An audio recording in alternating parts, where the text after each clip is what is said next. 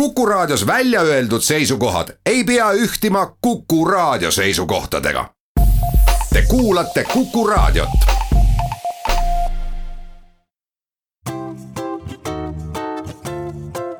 patsiendiminutid, Patsiendiminutid toob teieni Eesti Patsientide Liit tere, head Kuku kuulajad, mina olen Kadri Tammepuu ja täna on meil külas meditsiinibiokeemik ja Tartu Ülikooli professor Mihkel Silmer, kes aastakümneid inimestele söömisest rääkinud.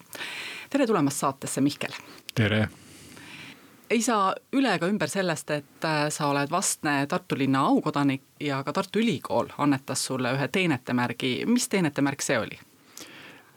Tartu Ülikool uuendas traditsioone, et eh, neid inimeste tunnustamisi oleks rohkem ja, ja sinna tuli nüüd juurde ka sada aastat ülikoolis, sada semestrit töötanud, vabandust, mitte sada aastat. no võib ka sada aastat tulla kunagi täis ja nüüd nendele kõigile antakse selline kena märk et oled sada semestrit töötanud Tartu Ülikoolis ehk viiskümmend aastat siis ja. sinna hulka käivad ka õpingud? sinna käivad ka õpingud, see on väga õige lähenemine, sellepärast et kui me senatis seda hääletasime, ma olen muuseas ka senati liige, nii et sai selle poolt hääletatud, siis oli kaks väga olulist asja, õpingud kindlasti, sellepärast et inimene seostub ülikooliga õpingutega juba ja teiseks, mis oli väga tore, mille poolt me senatis väga üksmeelsed olime, et kui algul nagu plaaniti mitte, et keegi valesti midagi tahtis teha, et see käiks nagu õppejõudude teadrite kohta, siis me ütlesime ei, et see on kõigi ülikooli töötajate kohta, nii et kui inimene töötab ülikoolis näiteks ütleme laborandina, teeb seda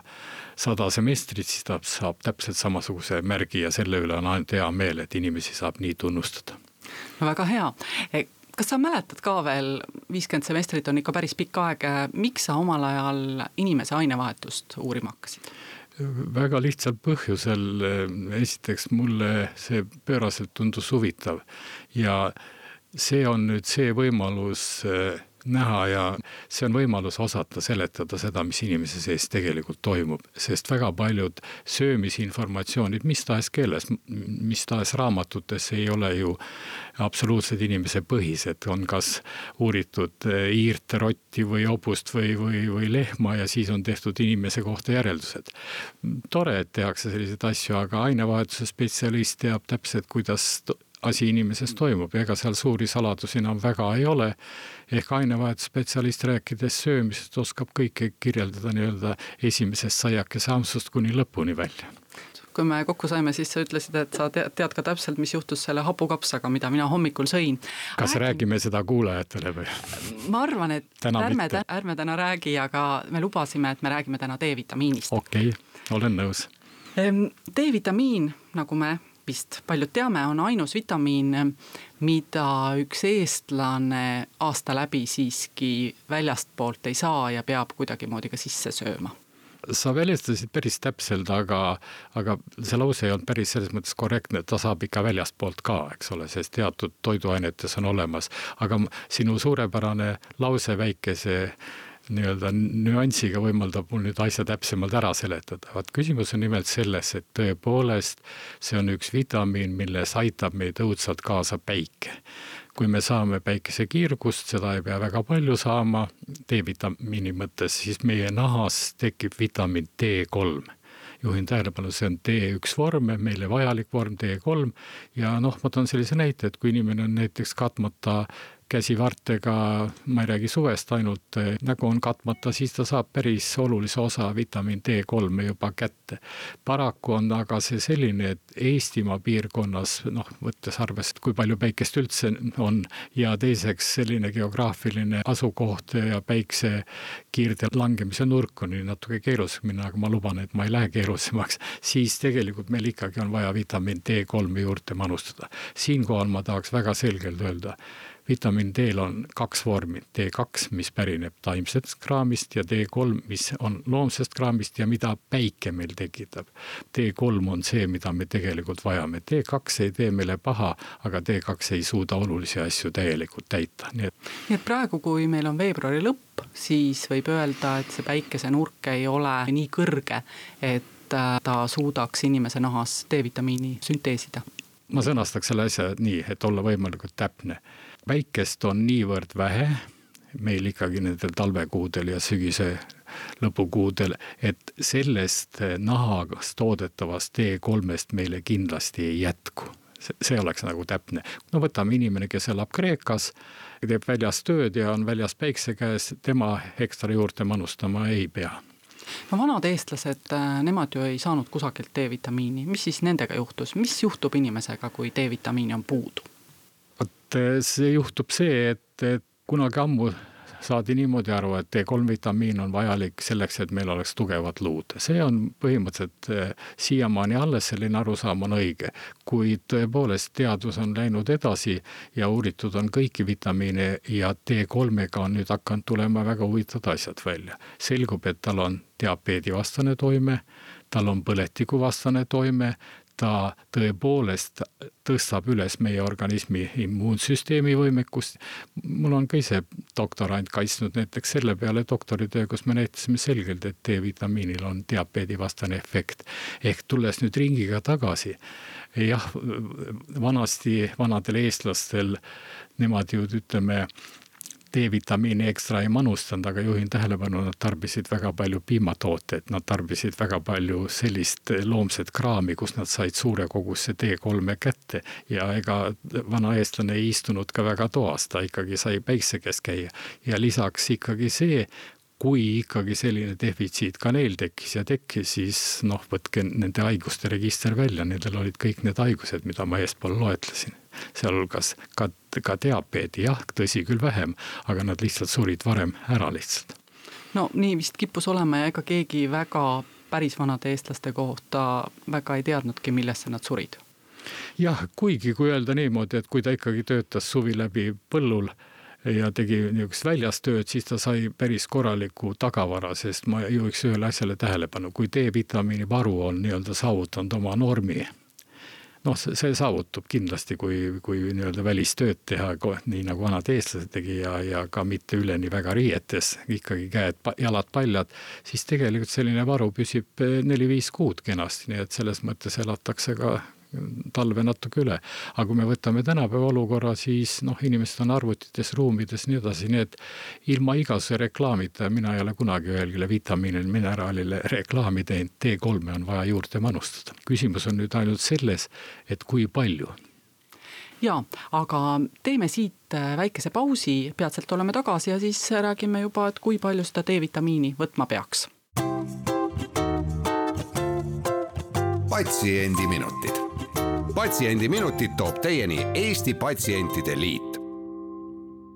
stuudios on ainevahetuse professor Mihkel Silmer ja Kadri Tammepuu. saate esimeses pooles rääkisime me D-vitamiinist ja, ja sellest, miks D-vitamiini vaja on. aga kui palju seda D-vitamiini siis vaja on, sellepärast et tegu on rasvlahustuva vitamiiniga, see tähendab, et kui teda ikkagi väga palju võtta, siis võib-olla see ei ole väga tervislik ma ütlen huumoriga, et, et saate esimese poole võib kuulajaga ära unustada, see oli rohkem taust ja noh, seal on ka huvitavad oli, aga tuleme nüüd konkreetsete asjade juurde tagasi kui ma kirjutasin eelmisel sajandil, seda on mõnus öelda, no eelmise sajandi lõpul, vitamiiniraamatu, siis ega põhimõtteliselt midagi ei ole oluliselt muutunud.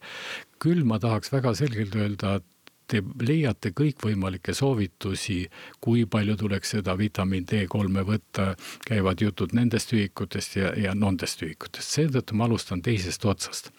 Euroopa Toiduohutuse Amet on selgelt, täpselt nii nagu ka ravimite puhul, öelnud välja ühe arvu D3 vitamiini ei tohiks päevas saada kokku üle nelja tuhande ühiku.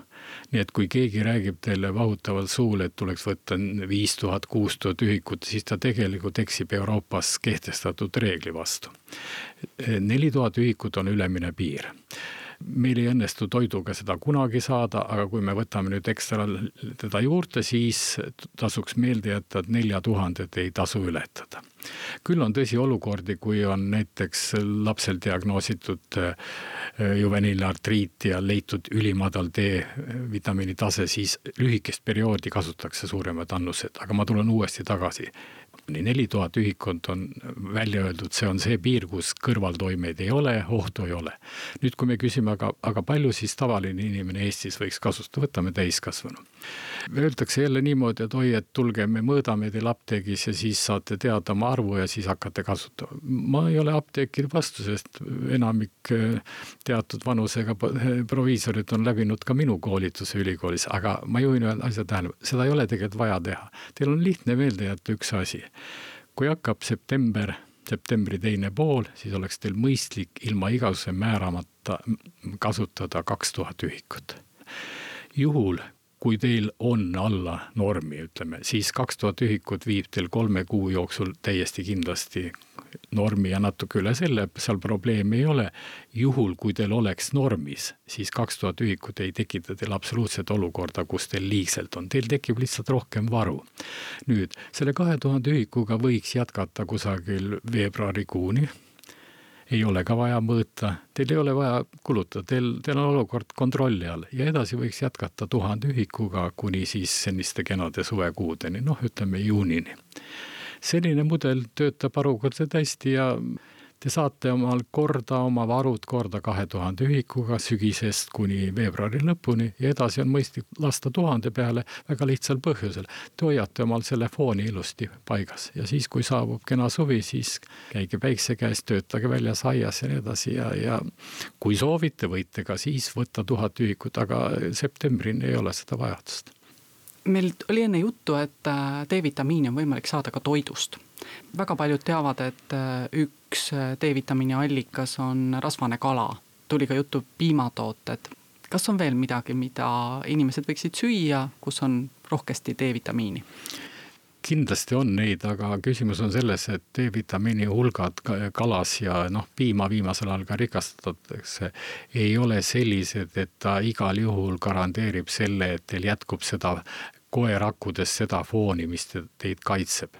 ma sõnastan seda veel teistmoodi, kui te olete usin kalasööja, joote ka D3-ga rikastatud piima, noh, need on kaks sellised põhiallikat, kust teda tuleb ikka meile toimivas hulgas, siis te kindlasti ei saa teha järeldust, et teil on D3-ga kõik organismis nii-öelda ideaalne kuid eh, kui ma juba eespool rääkisin, et kui nüüd üha rohkem nähakse, et milles on D3-l suurem mõju kui ainult luud, siis see on väga tõsine. ma ühe fakti lihtsalt toon, Taanis leiti, et need noored, kellel on D3-e tase väga madal, nendel on väga kõrge risk esmase episoodi psühhoosi saamiseks nii et vaadake, see ei ole päris niimoodi, et toiduga me selle katame ära. me kataksime toiduga ma mõtlen siin piima, mis on rikastatud D3-ga, kalas, kus teda on. me katame kindlasti olulise osa ära ja me võime võib-olla arvata, et siis, kui me oleme ka usinasti saanud nii-öelda väljas olla, päikest saanud, et siis me saame selle kõik kokku.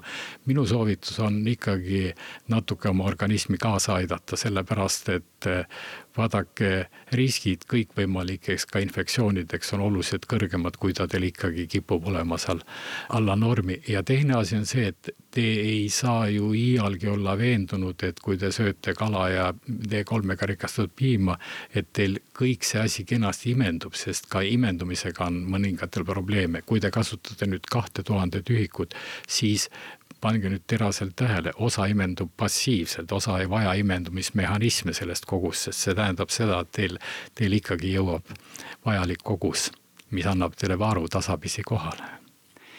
ma toon siia juurde veel ühe näite, et ähm, eestlastel meeldib väga käia päikese all, teha talvepuhkuseid, on need siis nädalased või kahenädalased. kas äh, sellel ajal võiks äh, D-vitamiini ära jätta, kui näiteks äh, kusagil Põhja-Aafrikas päikese käes peisitada? Kahte tuhat ühikut kindlasti ei ole vaja ja, ja võib ka tuhat ära jätta, kuid see jälle ei lahenda probleemi. ma toon ühe näite, mitte sellepärast, et ma ilmtingimata tahaksin öelda, et kui Aafrikas seal see, olete päikse all, siis ei oleks vaja. ma toon ühe teise näite, Mihkel juuniori abikaasa on Uus-Meremaalt Nad tulid Uus-Meremaalt tagasi, üks hetk, seal oli päikest päris palju, kuu aega. ja kuna tema nii-öelda kandis minu järjekordset lapselast, siis tegelikult sai mõõdetud ka vitamiin D3. juhin tähelepanu, kuu aega Uus-Meremaal päikse käes. no ta on natuke tõmbuma nahaga, sellel tekib rahas vähem siis ei olnud tema D-vitamiin normis. Ei tasu nüüd nii kindel olla, et, et kaks nädalat päikse käes kusagil Aafrikas ja siis on kõik okei. Okay. inimese veres mõõdetud näit ei näita, et koerakkudes on alati piisavalt. Ja vot sellepärast ma seda kahe tuhandest varianti väga soovitangi. Kui te ei mõõda, kui te loomulikult mõõdate ja teil on normis, siis, siis te võite ka mitte manustada, eks nii et ähm, kui minna perearsti juurde ja paluda, et Haigekassa raviraha eest äh, teha D-vitamiini uuring ja perearst keeldub, siis tegelikult seda vaja ei olegi. Ei, ta keelduda ei saa, sellepärast et ma juhin tähelepanu seda, et Eesti riigis on üks väga ilus asi, nagu ikka mõistlikus riigis, kui nimetame siis niimoodi, kui patsient tuleb ja viisakalt korduvalt midagi nõuab, siis ei saa ükski arst, olgu ta perearst või keelduda perearst võib tihti mõnest asjast keelduda sellepärast, et noh, kõik on ju kulutus, rahaline kulutus, aga inimesel on absoluutselt õigus küsida seda, mida ta soovib, kuigi perearst võib talle seletada, et vot seda ei ole vaja. kui ta ikkagi ütleb, et ma, ma tahaksin, et mulle seda tehakse, siis tuleb seda teha ja ma leian, et see on äärmiselt normaalne. küll minu jutu mõte on veel kord, et D-vitamiini arvu ei ole mõtet määrata, kui teie jälgite skeemi, et te kasutate kaks tuhat ühikut ehk veel kord hästi lühidalt kontsentreerin. kui te ei taha mõõta, te tahate olla veendunud, et teie koevarud on kindlasti olemas, siis septembri lõpus alustage kahe tuhande ühikuga, veebruari lõpuni, edasi võtke tuhat ühikut kuni suveni kui teie ei taha kahte tuhandet ühikut võtta, millega ei ole teil kõige vähematki probleemi, kui te isegi kasutate mis tahes ravimit, ma väga toonitan, mingisuguseid vastuolusid ei teki. ja te otsustate, et okei okay,, ma kasutan tuhat ühikut või kasutan kaheksasada ühikut, vaata sel juhul te peate kindlasti testima, kas see andis teile sellise tulemuse, et see asi läks normi. nii et valik on teie, kumba teed pidi lähete. kahjuks on meil lumi maas ja tundub, et talv tuleb, see tähendab, et ka külmetushaigused võivad tulla mida te inimestele soovitate, et nüüd veel vastu kevadet mitte külmetushaigustesse jääda? jah, see on hea küsimus, aga võib-olla sellest räägime järgmine saade. D-vitamiin võiks normis olla? D-vitamiin võiks kindlasti normis olla, aga küsimus on hea selles mõttes, et eh, ma panin üks eh, kakskümmend kaks aastat tagasi eh, kokku ühe, ühe sellise väikse retsepti. ja põhjus oli imelihtne tollal sündisid siis mulle esimesed lapselapsed. Nad on üsna suured poisid, juba ülikoolis õpivad ja üks on ülikooli juba lõpetanud ja kui nad tulid lasteaiast, elasid alati meie juures, siis noh, pidevalt tuli nohu, nohu vanaisal oli kogu aeg nohu, mitte et ma oleks väga lembeline haigustesse jäämisest, ei ole tavaliselt. ja siis ma mõtlesin, et pagan võtaks, et väga vastik on minna jälle suurt loengut lugema nohuga. Ja istusin maha ja mõtlesin ainevahetuslikult läbi ühe kombinatsiooni, mis on ühepäevane manustamine, kuidas eh, välistada selline olukord noh, ma ei taha siin ära sõnada, aga, aga selle pika aja jooksul on mul kaks korda nohu olnud. ja need kaks nohu on olnud sellepärast, et mul on see, see kompositsioon koju jäänud. no hästi, kahjuks täna ei õnnestu seda välja meelitada, sest äh, saade paraku on meil sellega läbi, aga räägime sellest järgmine kord. suur aitäh, Mihkel Silmer, Tartu Ülikooli meditsiinilise biokeemia professor, täna saatesse tulemast. Oli kena vestelda. täname ka kõiki kuulajaid, küsimusi küsis Kadri Tammepuu, kuulmiseni taas nädala pärast ja seniks olgem terved